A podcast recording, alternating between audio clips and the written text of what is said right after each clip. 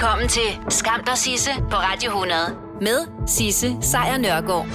Ja, velkommen til. Det her, det er som bekendt bare en podcast. Hvis du vil høre The Real Deal, så er det hver dag 12-15. Men nu har jeg altså samlet det, som jeg synes, der er skamløst godt fra sidste uges program i en podcast til dig. Hey, det var så lidt. Vi danskere, vi elsker at grave jorden. Det gør vi altså. Og nogle gange, når vi gør det, så finder vi danefæ. Altså ting, som vores forfædre har brugt, arbejdet eller pyntet sig med. Og nogle gange, så finder vi den helt store jackpot. Okay. Der er guld her. Oh, for satan, mand. Tillykke. For helvede. Woo! Jesus Maria. Prøv at se, hvor smukt det er. Det er som om, det lige er lagt ned for fem minutter siden. Det er det ikke, kan vi lynhurtigt få øh, etableret. Det er ikke lagt ned for fem minutter siden, når man finder guld. Det er simpelthen noget, der har været gravet op. Det er det, der hedder Fælsted skatten, og det var altså Team Rainbow Power. Og ja, det kalder de sig, øh, som fandt den helt store skat tilbage i 2016. Mere om dem senere. Men det, at de var med til at grave op her i 2016, har altså gjort, at øh, Nationalmuseet har punget ud for de her danefag mere end nogen sinde før. Fordi vi er gode mennesker.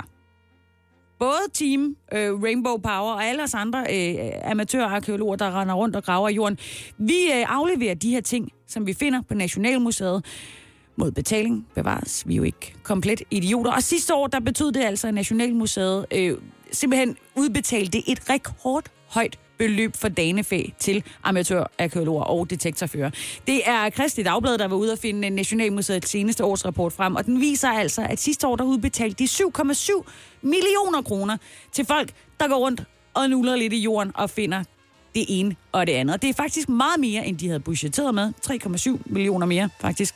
Og det betyder altså også, at det er den højeste udbetaling for danefæbrev i, øh, i Nationalmuseets historie. Det er så vildt. En af årsagerne til, at det er en ordentlig omgang, de har udbetalt, er blandt andet Team Rainbow Power, som jeg startede ud med at afspille lyd fra, da de nemlig fandt en gigaskat tilbage i 2016. Festet skatten, som den bliver kaldt. Øhm, I februar sidste år, der modtog gruppen nemlig, som består af tre personer, der modtog de samlet set 1 million, 600, øh, eller 1 million og 66.000 kroner i det, der hedder Danefæk godtgørelse for fund af lige præcis den skat. Der var blandt andet 840 gram ren guld i form af nogle armbånd, og så kom der nogle smukke, velbevarede smykker og mønter, og det var altså simpelthen ufattelig mange genstande, de hiver op af jorden der, og dermed blev det også ufattelig mange penge, der blev udbetalt. Så det kan altså svare sig. Der er stadigvæk skatte derude, så find nu bare pengene til en metaldetektor, og så børnene med ud i skoven og grave los, så kan vi virkelig alle sammen få set, hvad det er, vi går og gemmer i den fine muld. Hvem ved? Hvis de har lavet et sæt guldhorn, hvorfor delme skulle de så også have lavet et andet sæt? Vi vandt! Eller, vi spillede uafgjort i går, og det er herligt, og så har vi altså sikret os en plads ved næste års EM. Den ryger direkte ned til Christian Eriksen. Sådan. Lang bold op på den irske banehalvdel. Josef Poulsen sprinter op ad banen her. Så fløjter af. Felix Brik Dr. Jur, hvornår kommer det sidste fløjt? Han stikker øh, fløjten op i munden her. Kasper Dolberg, der er fløjtet af Nej. i det øjeblik. Jo, sådan! Den er hjemme. Den er hjemme, mine damer og herrer. Danmark i en historisk EM-deltagelse på hjemmebane. Jep, den er hjemme. Fint nok, vi er med. Vi slutter på andenpladsen i vores pulje, og det var det, der skulle til. Og alligevel, selvom vi er med næste år, så har fodboldeksperterne på ingen måde været imponeret over det spil, som vi altså så landsholdet spille i aftes. Der er stadigvæk stor øh, respekt for det, i den form, at der er stor respekt for kynismen og resultaterne i den her kvalifikationsrunde, men selve spillet er der ikke den helt store jubel for. For eksempel så synes BT's sportschef Søren Hanghøj Christensen, at landsholdet i øjeblikket er langt fra at være øh, nogen, man gider at hænge op på et øh, stykke børne-teenage-væg. Han siger i, øh, i dag, eller skriver i dag, at det danske landshold har ikke fået nye venner i løbet af den EM-kvalifikation, der gudskelov sluttede lykkeligt med et enkelt point efter en neglebidende afslutning i Irland. Mange af os sad og bandede de røde-hvide langt væk i løbet af kampen i Dublin. Men de gjorde præcis, hvad de skulle. Ikke mere, ikke mindre. Og det er faktisk også mere eller mindre det, som Andreas Kravl fra DR, altså kommentatoren, han, øh, han sagde, han sad i øh, P1 Mors og havde en ret malende beskrivelse af, hvordan det var at følge med i går. Det var ligesom at, at have været øh, i skærsilden, og så alligevel lige slippe ud øh, til sidst. Og han kunne godt se, at øh, det var nok ikke det fedeste spil, der var blevet spillet i aftes. Det, det fungerede ikke. Øh, måske var det sådan nerverne, måske var det det her øh, pres, der var med, at, øh, at lige pludselig så var det det sidste trin inden den her øh, historiske mulighed, fordi spillerne ved jo godt, at øh, de er nok de, måske de, eneste, i, øh, i hvert fald i, i rigtig, rigtig mange år, og de første nogensinde, der får muligheden for at spille et, øh, et EM eller et VM på hjemmebane. Og jeg tror, når de var så tæt på, så gik der måske sådan en lille smule, altså de stivnede lidt i, i kampen, også fordi irerne er sådan et besværligt hold at spille imod. Besværligt, absolut, øh, men ikke god nok til at være, være sådan for besværlige for de, øh, de røde-hvide i går. Det her, det var selvfølgelig Andreas Krav fra, øh, fra DR, som øh, udtalte sig til P1 Mors i, morgen, i morges, og det nappede jeg, fordi lige meget hvordan de spillede, så kan vi jo ikke komme udenom, at vi er med til EM. Så spiller I bare som I vil. Ja, I gør! Ole, ole, ole, juhu! Vi er med! EM, mand! Mens rigtig mange af os går rundt og glæder os over, at der nu er en tredje sæson af Netflix-serien The Crown, som altså leverer et indgående dramatisk portræt af dronning Elisabeth II's 66 år lange regeringsperiode, så har virkelighedens britiske kongehus i den grad noget at se til for tiden. Fordi lørdag aften, der besluttede Prince Andrew, som jo er en af sønnerne af Prince, øh, dronning øh, Elizabeth, han besluttede sig for at lade sig interviewe om sit forhold til milliardæren Jeffrey Epstein. Og lad os bare sige det, som det er. Det gik af helvedes til, hvilket han også får ret stor kritik for i øh, England i de her dage. Jeffrey Epstein, det var ham, der begik selvmord for mere end tre måneder siden, mens han sad øh, varetægtsfængslet, og der var han jo øh, ligesom varetægtsfængslet, fordi han er mistænkt for adskillige overgreb, og derudover også handel med kvinder. Det er en syg sag. Prince Andrew, han er blevet sat i forbindelse med øh, Jeff, øh, øh, Jeffrey Epsteins øh, ofre. Øh, en af dem, som hedder Virginia Roberts. Hun fortalte allerede for fire år siden, at hun tre gange var blevet tvunget til at have sex med prinsen. Det har Prince Andrew selvfølgelig været ude og benægte flere gange, men også i det her interview, som han altså kom med i weekenden. Til trods for, at alle sagde, lad nu være med at udtale dig, Prince Andrew, så tænkte han, ah, ah den har jeg. Jeg er, jo, jeg er jo prins. Der er ikke det, jeg ikke kan. Øhm, to uger inden det her interview, der havde hans øh, personlige rådgiver øhm, inden for øh, kommunikation, Jason Stein, han har, han har sagt op. Han har simpelthen sagt op på grund af prinsens beslutning om at lade sig interviewe på landstækkende tv. Og ifølge BBC's øh, kommentator, så skinnede det klart igennem på skærmen, at Prince Andrew har simpelthen ikke styr på overhovedet, hvordan man gebærder sig.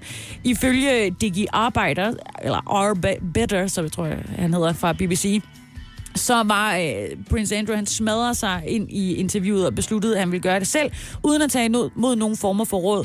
Og enhver fornuftig person i PR-branchen ville haste hænderne over hovedet i redsel over den idé. Og han fortæller jo også, at det her interview har gjort mere skade end gavn for Prince Andrew.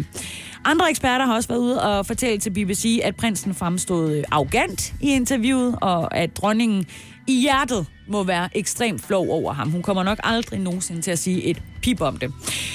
En, der til gengæld har talt, er jo det her offer, Virginia Roberts. Hun har fortalt, at både øh, at hun og Prince Andrew de mødte hinanden tilbage i 2001 på en natklub, hvor hun husker, at prinsen svedte meget. Til det, og bare for at give et indblik i, øh, hvor latterligt det her interview gik for Prince øh, Andrew, så sagde han, han afviste det fuldstændig. Øh, på det tidspunkt, der svedte jeg ikke, siger han. Fordi jeg havde fået det, jeg vil beskrive som en overdosis af adrenalin under Falklandskrigen, hvor jeg blev beskudt, så jeg kunne... Ja, det var næsten umuligt for mig at svede. Ja. Der er mange, der har været ude og tale om det her interview som øh, selvmodsigende og forvirrende, og øh, man må også sige, at Prince Andrew selv, han øh, fortalte også, at han jo fortrød, at han havde bevaret kontakten med Epstein selv, om at han tilbage i 2008 allerede var øh, hvad kan man sige, blevet dømt i en øh, sag om prostitution af en pige under 18 år. Det var han selvfølgelig meget ked af det over. Øh, ikke så meget på grund af pigerne, men simpelthen fordi han synes, det var synd, at han havde øh, svigtet kongehuset og sine pligter. Det er, øh, det er en prins, der er på vej til at gå op i flammer. I den grad. Det bliver spændende at følge med i, hvad der sker i den her uge. Vi skal dog nordpå. Højt Lige præcis. Der, hvor julemanden bor, og du ved, kigger fra sit vinterskjul. Der står hans klar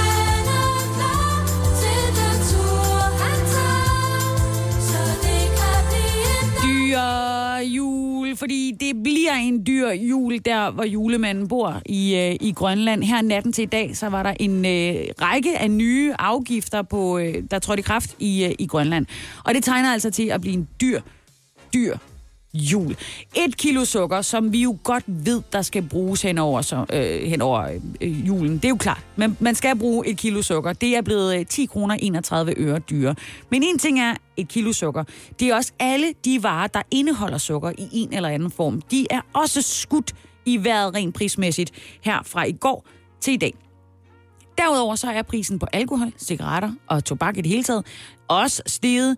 De dyre varer øh, kan de så få lov til at putte ned i nogle bæreposer, som nu også er blevet endnu dyrere. De stiger med op til 3 kroner på grund af de her nye afgifter. Og hvorfor er det så, at man i Grønland fra den ene dag til den anden skal betale meget, meget mere for det, der er måske lidt rart her i julen?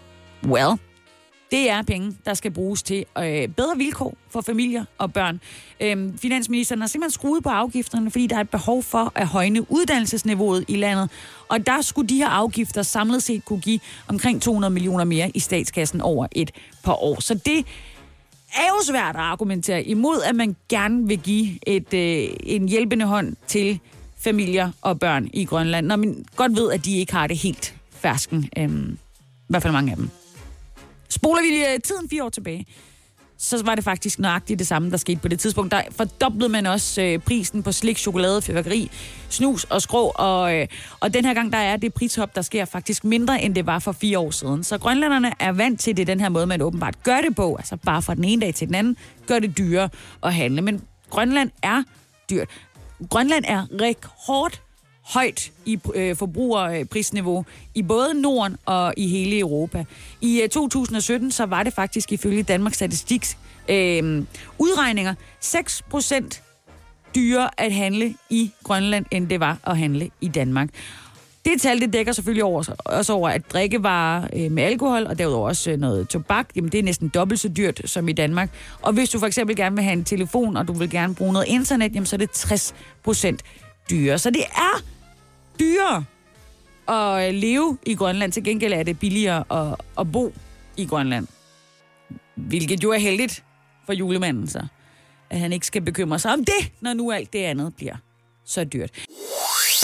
Jeg snakkede jo lige for lidt tiden om, at det er dyrt at bo i Grønland, og det kommer altså også til fremover at blive øh, dyrere at være medlem af EU, fordi den klub, vi jo er medlem af, som hedder EU, øhm, der vil de gerne hæve kontingentet. I hvert fald, hvis det står til EU's budgetkommissær. Det er ham, der hedder Günther Oettinger. Øhm, fordi ligesom der er finansforhandlinger herhjemme, så er der altså også forhandlinger i EU, og det er den næste budgetramme, altså den såkaldte flereårige finansielle ramme, som skal forhandles på plads her i løbet af de kommende par måneder. Det er syv års budget, der lige skal fikses. Og øh, som kommissær med ansvar for EU's budget, så har øh, Günther Oettinger foreslået, foreslået at, øh, at det her budget, som de har arbejdet med, det skal stige. I dag, der må EU, EU, undskyld, jeg ved ikke, om jeg lige røg tilbage til EQ-tiden, men der må EU-budgettet udgøre 1% af medlemslandenes øh, bruttonationalindkomst, altså BNI. Øh, øhm, står det dog til, til Øtinger her, så skal den nye budgetramme, der skal gælde fra 2021 til 2027, så skal den vokse, altså størrelsesmæssigt vokse, så det skal være 1,14 procent af landenes BNI. Det vil svare til, at den næste budgetramme kommer til at blive på, hold godt fast i bordet, 8.451 milliarder kroner i faste priser. Og sådan en stigning, den kommer altså også til at betyde, at vi andre skal betale. Øhm, Danmark skal betale godt 4 milliarder kroner ekstra til EU-kassen om året. Og det er en stigning, som forståeligt nok bliver stærkt kritiseret af den danske regering.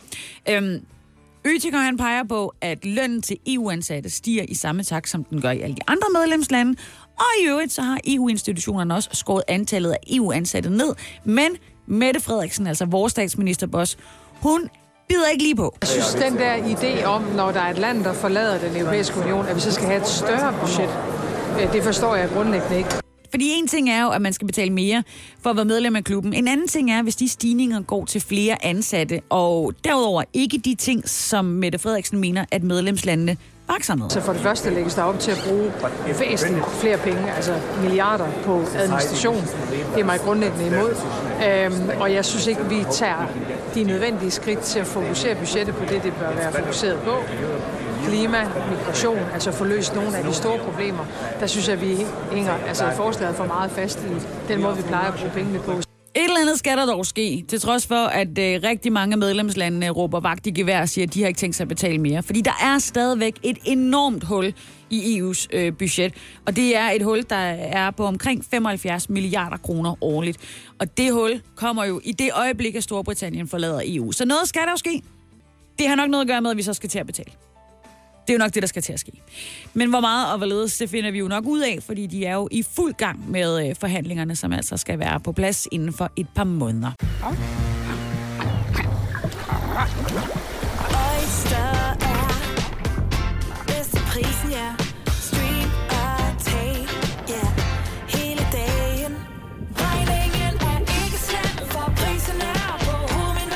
vendt prisen helt på hovedet. Nu kan du få fri tale 50 GB data for kun 66 kroner de første 6 måneder. Øjster, det er bedst til prisen. Når du skal fra Sjælland til Jylland Eller omvendt, så er det Molslinjen, du skal med Kom, kom, kom, bado, kom, bado, kom, bado. Få et velfortjent bil og spar 200 kilometer. Kør ombord på Molslinjen fra kun 249 kroner. Kom bare du.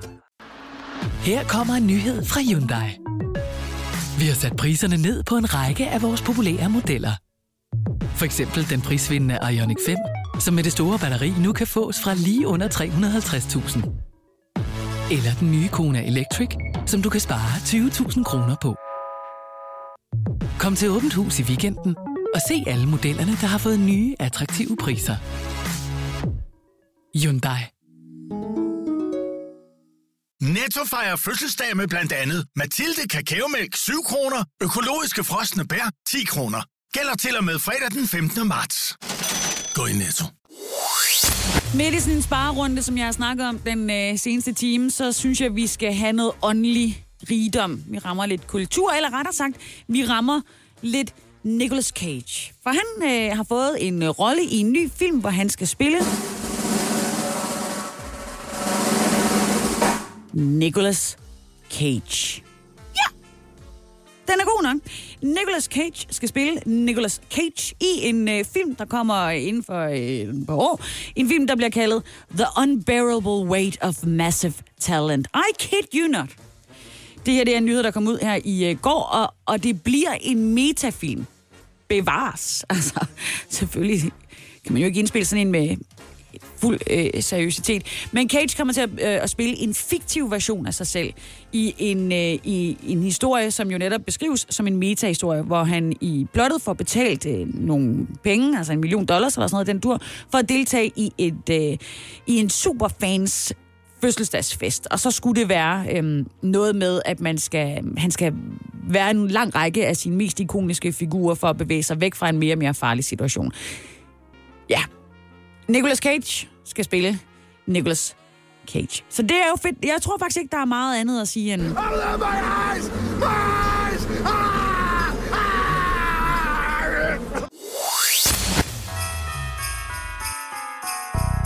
Så skruer vi skuret for hyggen, ikke sandt? Fordi i dag, der er der fem uger til jul. Fem uger! Det er lige om lidt. Og det betyder også, at nu skal du til at rykke ekstra hurtigt.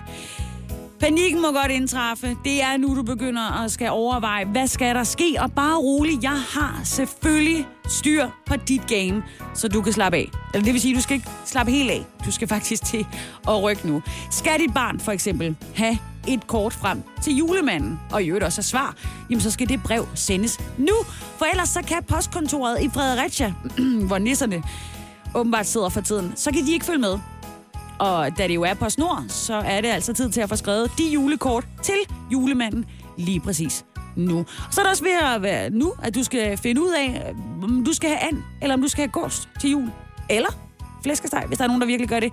Øh, for hvis du går efter at handle de gode dyr, altså dem, der er behandlet godt, har haft det lækkert, levet ordentligt, jamen så skal du bestille dem nu, så de kan være klar til dig den 23. december, eller muligvis før. Personligt er jeg glad for dem, man kan købe i torvhallerne.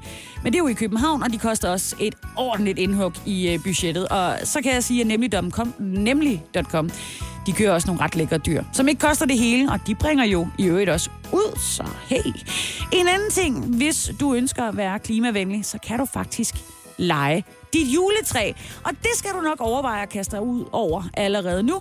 Danmarksskove.dk leger blandt andet øh, juletræer ud, og så undgår du faktisk at hugge et træ ned, det siger jo sig selv. Du undgår at få nåle i hele huset, og så kan træet jo også efterfølgende plantes ud igen, og så er der ikke noget baks med klimaet. Det er jo en fin måde at gøre det på. Endelig, så er der også en god idé at købe alt det der jazz, som du ved, du kommer til at bruge. Øh, marcipan, nougat, øh, kirsebærsovs, mandler, chokolade. Hent det nu, mens det ikke er udsolgt eller til overpris, og så stok op. Ligesom du også bliver rigtig glad, hvis du har handlet julevinene og portvinen nu, så du ikke behøver at slæbe det hjem sammen med alle de andre julegave, indkøb og julekøb, når du nærmer dig om et par uger. Om lige at høre, det var så lidt. Og så i øvrigt en sidste ting. Husk, send julepakkerne nu. Nå, den eneste grund til, at britterne de skal til valg her den 12. december, det er ifølge Boris Johnson, at der er dødvande i parlamentet, og det er umuligt at få vedtaget noget som helst. Det var i hvert fald det, han sagde i går, da de havde en øh, stor tv-duel i øh, Storbritannien, og Johnson var selvfølgelig op imod hans øh, arch enemy, altså Labour-lederen øh, Jeremy Corbyn. Og, øhm, og så gik de ellers i gang med at, at debattere, hvordan og hvorledes britterne skal jo efter aftalen, som det ser ud nu, træde ud af EU den 31. januar. Og, øh, og så skal de have Brexit gennemført, mener Boris Johnson. Hvorimod at Labours leder Jeremy Corbyn, han siger, at det skal simpelthen laves om. Det går ikke. Det, det, det er ikke i orden, det som der er på vej. Og øh, premierministeren Boris Johnson, han brugte også øh, flere gange den her vending om, at han ville have Brexit gennemført. Det skal ske. Og derfor så var han også ude i at skyde efter Labour. Det skulle han selvfølgelig også gøre. Altså lange ud efter dem. Fordi han ikke mener, at de har ville øh, melde sig ud, eller de vil ikke melde ud klart, om partiet vil blive i EU, eller om de har tænkt sig at forlade EU. Og der var Labour-ledelsen altså med øh, Jeremy Corbyn i spidsen ret hurtigt til at sige, at deres Brexit-politik er forholdsvis tydelig, altså meget tydelig. Labour vil nemlig gerne have genforhandlet den her Brexit-aftale, øh, og så sendt den til en folkeafstemning. We will, within three months, negotiate a credible leave option with the European Union, and within six months, put that to a referendum of the British people to decide between that option of leaving whilst protecting jobs and trade and the Good Friday Agreement with Europe, or remaining as full members of the European Union. Så derfor så handler den her øh, afstemning om, hvem der skal være premierminister, lige så meget om, hvordan man skal forlade EU, i så fald man overhovedet skal. Fordi det er jo det, der er klart lige nu, det er, at øh, Boris Johnson, han vil have landet ud af EU med det samme. Jeremy Corbyn, han vil have forhandlet en Brexit-aftale, og så sende den til folkeafstemning. Og hvis folk så siger nej der, jamen, så kan det være, at de får lov at blive i EU. Så det handlede om Brexit i går, forståeligt nok. Øhm, og sådan fortsatte det jo sådan set i en times tid, og ellers så blev der også talt en del om deres sygehusvæsen derovre, som ja, er stort set øh, skudt ned til sokkeholderne. Ikke desto mindre, det er den 12. december, det her slag for alvor skal stås. Og øh, det, som Boris Johnson faktisk håber på, kan koges ned til én ting. is for a, a mandate to govern. Han vil simpelthen have mandat til at lede, fordi han synes, at det er noget diplomatisk, demokratisk baks, at øh, Labour hele tiden står i vejen for deres Brexit. Så det er det, det hele bliver kogt ned til. Der er tre uger tilbage, og så må vi se, hvad der sker i, øh, i den exceptionelt langveje affære, som øh, den britiske øh, udgang af EU indtil videre har været. Alright så. Her i, øh, i weekenden, der øh, kastede den britiske prins Andrew sig ud i øh, et øh, tv-interview. det, det gik rigtig galt. Altså, det blev et voldsomt stormvær, sådan øh, billedligt talt efterfølgende. Han havde en eller anden idé om, at han sagtens selv kunne tage konfrontationerne med beskyldning om, at han havde haft sex med blandt andet en 17-årig pige øh, indtil flere gange, som var et af Jeffrey Epsteins ofre. Det kunne han sagtens klare selv. Hans kommunikationschef øh, mente noget andet, og sagde jo også op to uger inden øh, interviewet. Og efter den her weekend, der forstår man i den grad godt, hvorfor at han forlod den øh, synkende britiske kongeskud, eller undskyld, prinseskud, inden at det gik helt galt. Fordi nu begynder de her konsekvenser af weekendens interview for alvor at vise sig. Men først lige en forklaring. Jeffrey Epstein, amerikansk finansmand. Super succesfuld, det hele gik af flere hundrede millioner dollar, altid.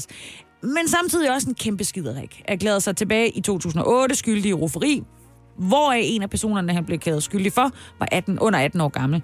I den forbindelse der blev han idømt øh, 13 måneders fængsel og skulle indgå i et finansielt forlig med flere af sine ofre. Desuden så fik han det store stempel, seks forbrydere, og det er jo aldrig rart. Alligevel så forblev Prince Andrew venner med ham. Senere fandt man så ud af, og inden, sin, inden at Jeffrey Epstein døde, der afventede han en retssag om sexovergreb mod øh, mindreårige og menneskehandel med piger helt ned til 14 års alderen. Og i sommer, altså for tre måneder siden, der blev han fundet død i sin celle. Han havde hængt sig. Og Prince Andrew, han var hans body igennem det hele. Og han dukker også op på billeder med nogle af de her ofre, og er også blevet udpeget som en af dem, der havde sex med de her piger, som Epstein, Epstein altså brugt som sit eget gods. Altså, det er en red som fortælling, og det øh, gyser ned ad nakken, og man får nærmest behov for at kaste op, når man tænker på, hvad de her stakkels unge piger har skulle være gået igennem, fordi at der var nogle mænd, der brugte dem som deres personlige Lolita-dukker. Det er frygteligt, og det er fucked up, og heldigvis så får det altså også nu konsekvenser for et entreprenørprojekt, som prinsen faktisk øh, har stået bag længe, og som han har glædet sig til at lave. Her har en række selskaber og velgørenhedsorganisationer nemlig fjernet deres logoer fra hjemmesiden. De vil simpelthen ikke hvad være dem, der arbejder sammen med Prince Andrew. Det er Reuters, der er ude at skrive det her. Samtidig så melder flere virksomheder, at de ikke har tænkt sig at fortsætte samarbejdet med prinsens organisation. De gider simpelthen ikke arbejde med ham mere.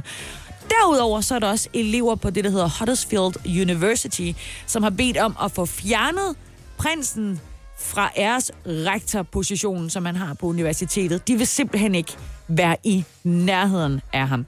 Så han er med andre ord helt ude i kulden. Prince Andrew, bare lige hvis du er i tvivl om, hvem af dem er det, jamen så kan jeg fortælle dig, det er det tredje barn, dronning Elisabeth har fået. Han er ikke en af dem, der står øh, i rækken til at skulle have en, øh, en fortsat karriere i kongehuset. Men uanset hvad, så er han jo stadigvæk prins. Og han afviser selvfølgelig kategorisk de her beskyldninger. Han sagde i øvrigt, at han fortrød, at han bevarede sit venskab med Epstein, selvom at han øh, ligesom havde vist, at han var en sexforbryder. Men det virker lidt som om, at øh, Prince Andrew har været, ja, sagt alt, alt for lidt undskyld, og det har bare været alt, alt for sent. Der er et borgerforslag, som hvis du har været på øh, Facebook i løbet af den sidste uges tid, virkelig har været omkring. Alle mennesker deler. Det handler om at øh, skrive under, og det gør det, fordi at øh, det her borgerforslag gerne vil have et øjeblikkeligt ophør med salg af Roundup og andre midler til at bekæmpe for eksempel ukrudt og insekter i haven. Og det øh, borgerforslag har altså fået stor opbakning. Og hvis du lige sidder og tænker, Roundup, det er jo efterår, så det er jo lidt tid siden, du formentlig har været i haven og sprøjtet derudad, så kan jeg fortælle dig, at det er et sprøjtemiddel, og det bruges til at dræbe ukrudt og øh, til øh, nedvisning, som det hedder, af afgrøder. Det blev opfundet for øh, mange, mange år siden, blev solgt første gang i starten af 70'erne, og det består primært af et stof, der hedder glyfosat. Det er verdens mest brugte sprøjtemiddel. Glyfosat det virker ved at blokere for dannelse af en række aminosyre i planten, og det skulle så dræbe dem. Og øhm, det er ikke sådan, at vi render rundt med aminosyre i kroppen, så derfor så er det ikke os, stikker ud over. Men der er dog kommet en mistanke om øh, de seneste par år, om at glyfosat kan være skadelig på andre måder, for eksempel ved at være kraftfremkaldende og hormonforstyrrende, især hvis man udsættes øh, for stoffet over længere tid. Så her i, øh, i dag, der rundede det forslag om at simpelthen med det samme at få stoppet alt salg af Roundup, det rundede de 50.000 støtter, og dermed så kan det jo så nu fremsættes som et beslutningsforslag. Altså, det kan ryge direkte i Folketinget, og så kan det blive behandlet, og så kan der blive stemt om det. Det her forslag, det er blevet øh, stillet af Christiane Bjørg Nielsen. Og hvis du sidder og tænker, at, at det ikke et navn, jeg kender, well, måske har du hørt den her.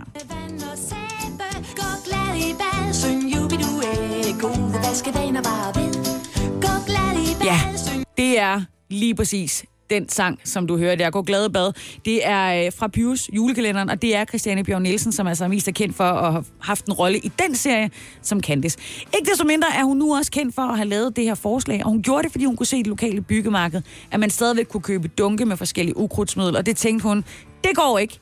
Vi er i år 2019. Vi er blevet klogere. Vi ser alle de her giftrester i vores grundland, og vi ser, hvordan biodiversitet og hvordan insekterne har det. Så det skal stoppe nu. Og måske kan det så lade sig gøre. 50.000 har altså skrevet under på det her borgerforslag om at øh, få stoppet alt salg af Roundup. Og øh, så er de jo tvunget til i Folketinget til at tage det op. Og så kan det jo være, at de gør, som de gjorde, da vi alle sammen skrev under på en klimalov i øh, foråret, at de simpelthen lige sylter den lidt. Eller det kan være, at de rent faktisk gør noget ved det. I USA, der er de i hvert fald nu der, hvor de siger nej tak til Roundup de fleste steder. Og i øh, Østrig og i Tyskland er man også i gang med at prøve at få det øh, forbudt for salg. Primært fordi, at der er mange mennesker, der nu kan vise, at de simpelthen har fået kræft af at bruge det. Så det er en god ting.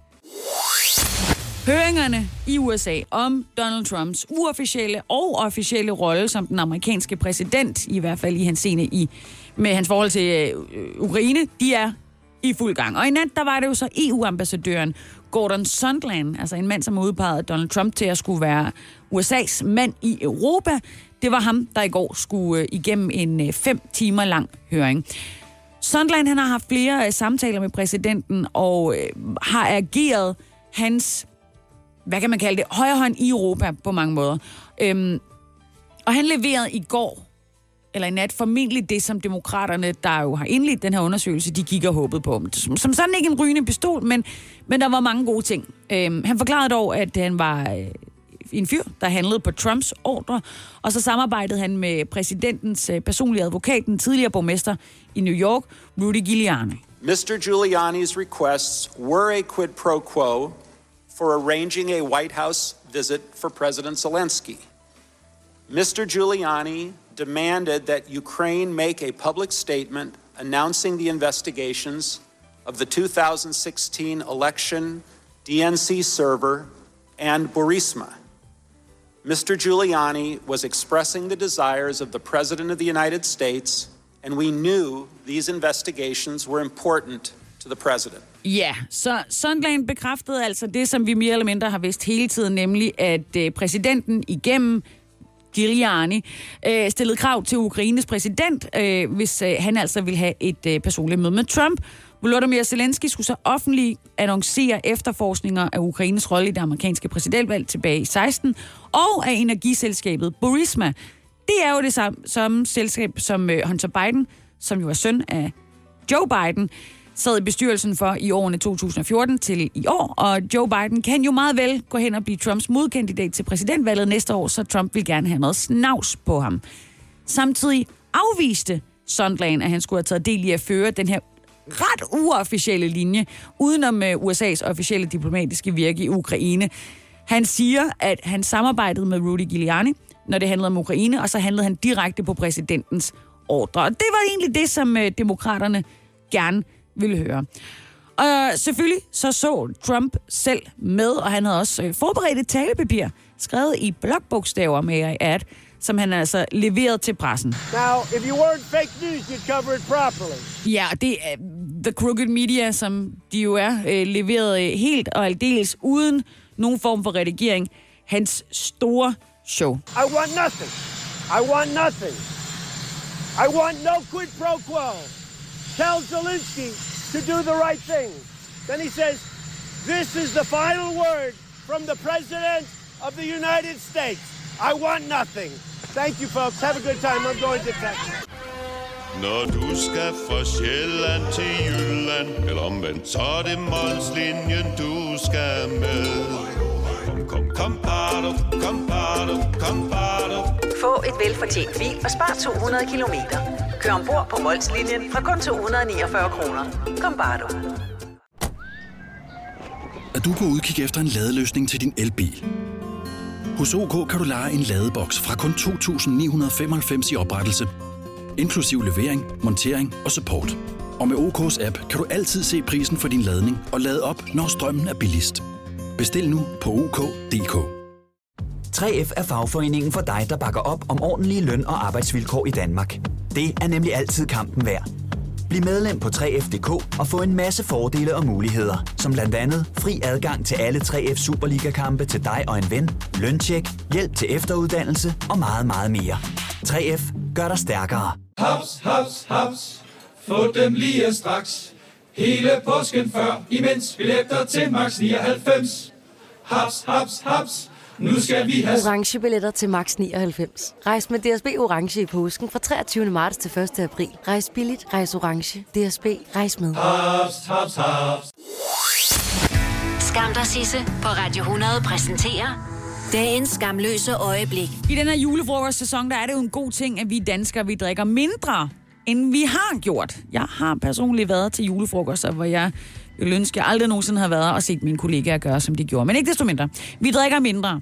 Øhm, Danmark står øh, de seneste 10 år for et af de allerstørste fald i alkoholforbruget i øh, OECD-landene.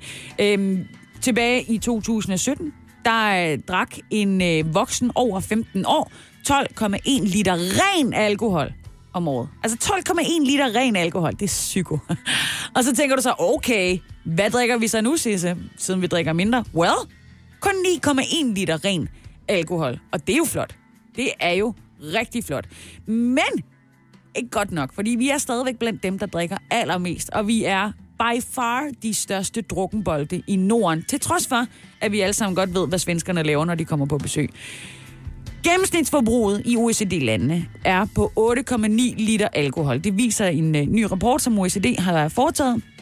Og det er en rapport, der årligt sammenligner øh, sundhedsforhold i de 36 medlemslande. Og danskerne hælder fortsat væsentligt mere øl, vin og alkohol i halsen end vores øh, nordiske brødre og søstre.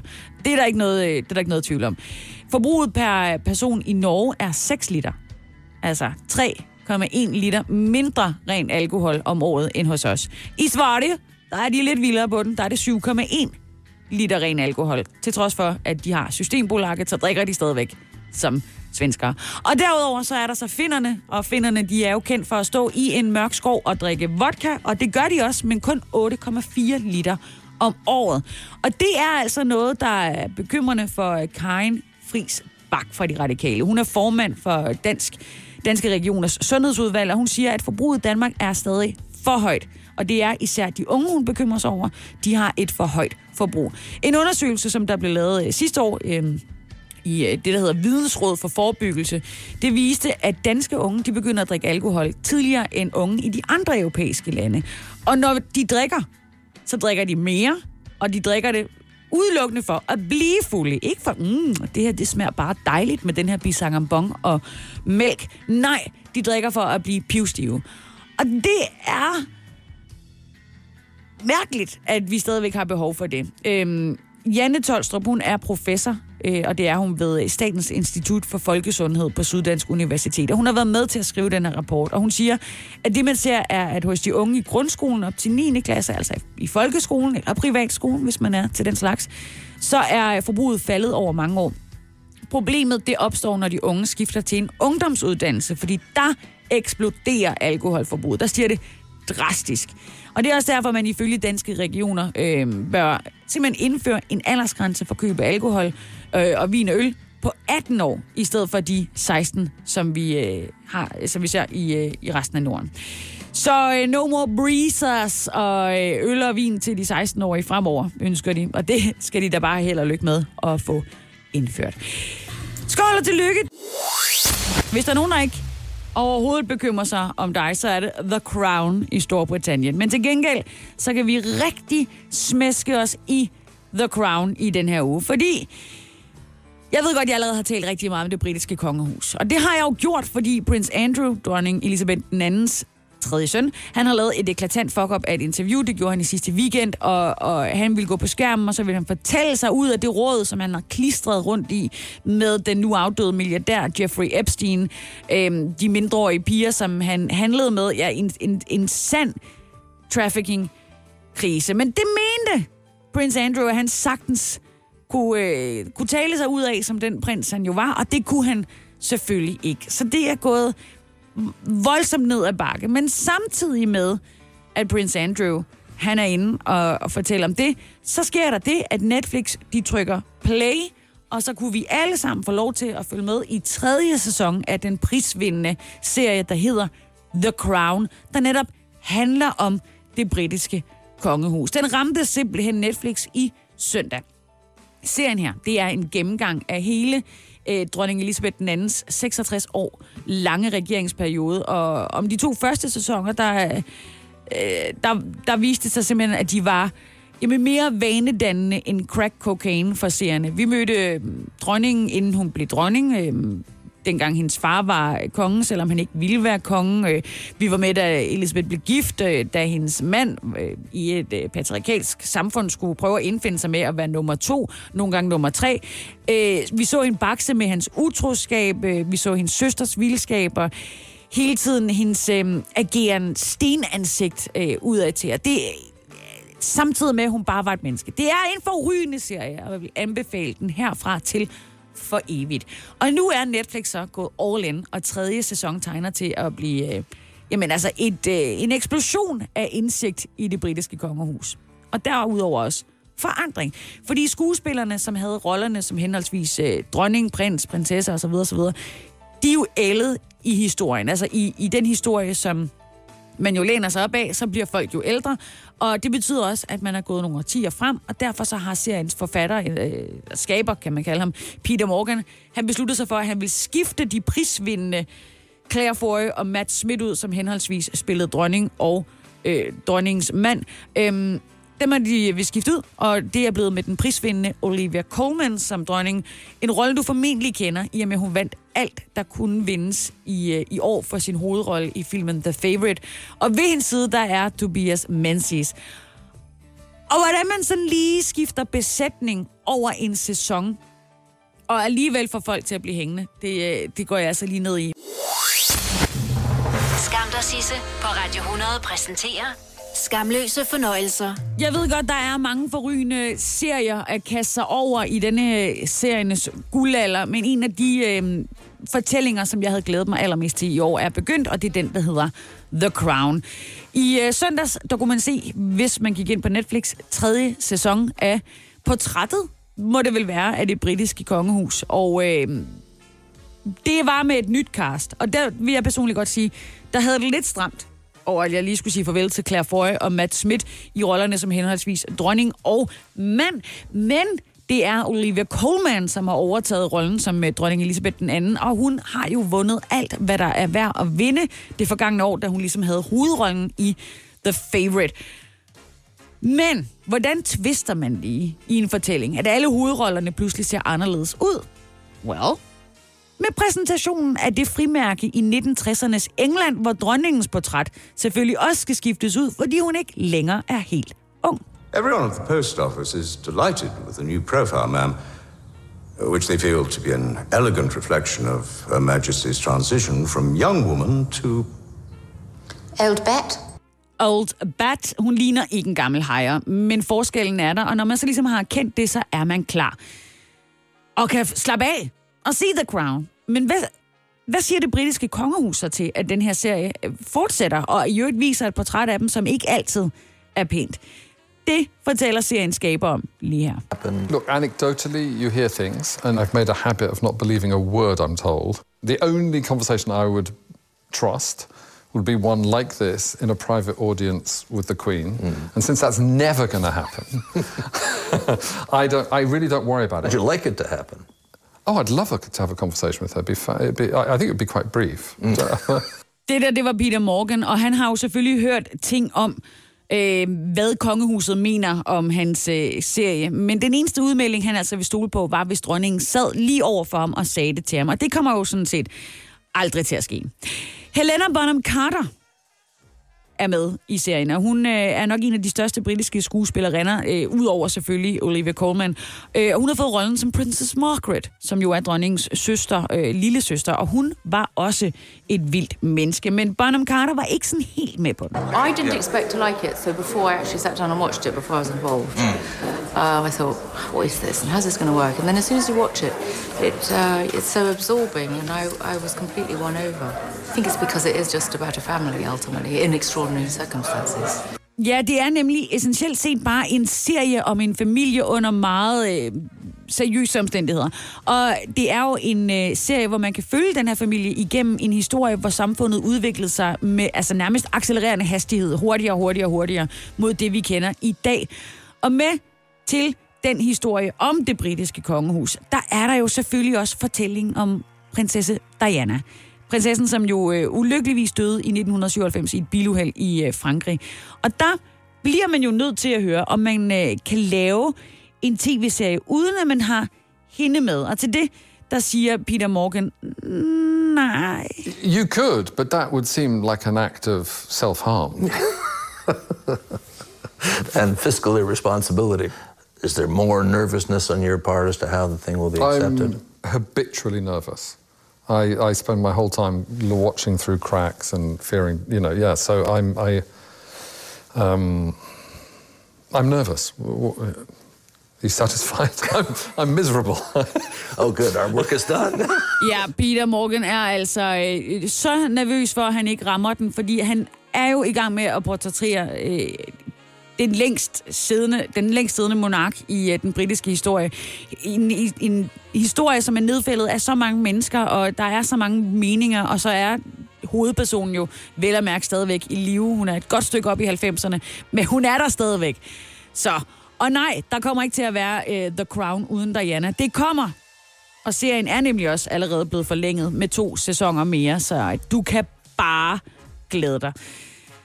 Så kan jeg nærmest ikke hylde den mere. Det var hele min fortælling om, hvorfor du skal se The Crown. Sæson 3 ligger på Netflix nu, og du kan, ja, du kan, du kan ikke skynde dig nok.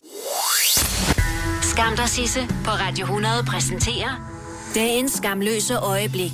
Ja, som sagt, så er jeg altså stadigvæk øh, i det britiske kongehus, men jeg har bevæget mig langt væk fra fiktionsverden, og men den ligger øh, meget tæt på den, øh, den ægte verden. Og så har jeg altså bevæget mig direkte ind i den ægle verden, som Elizabeths søn, prins Andrew, han åbenbart har levet i.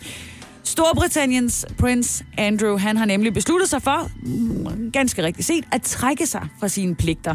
Og den beslutning, det kommer jo efter det her famøse interview i sidste weekend, hvor han forsøgte at forklare sit forhold til en dømt sexforbryder, a.k.a.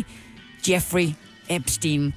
Prinsen han har øh, lavet en, øh, en udtalelse, den har hoffet sendt ud, og i den der kan man læse øh, følgende sætning. Efter de seneste par dage står det klart for mig, at omstændighederne omkring min relation med Jeffrey Epstein er blevet til en kæmpe udfordring for min families arbejde.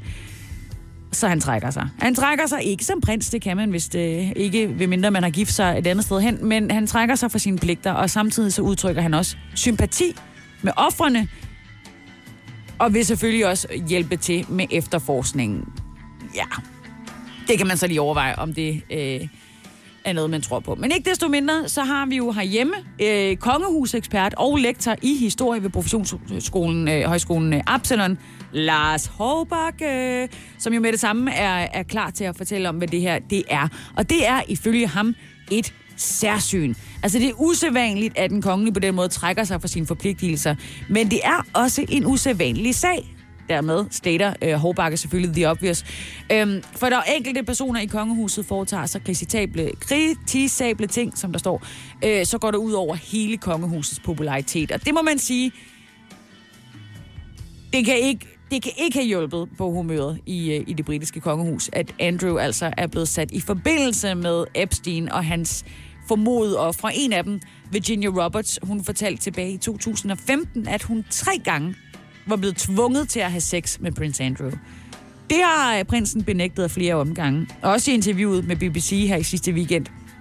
Øhm, noget af det, han blandt andet har sagt, det var, at første gang det her det skulle være sket, var under en tur til London, hvor øh, Virginia Roberts kun var 17 år gammel, og anden gang, der skulle det være øh, under et orgie, som Epstein havde øh, arrangeret. Og sidste gang var der øh, kvinden her, så var blevet 18 år, og øh, prinsen efter sine deltog i endnu et orgie med hende og en masse andre kvinder.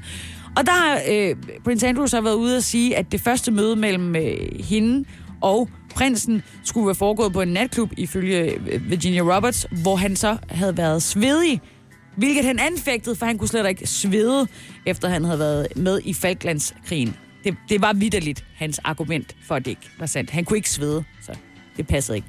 Øhm, et andet møde øh, skulle også have været... Øh, der hvor man ser det her fantastiske billede, der er blevet taget af dem.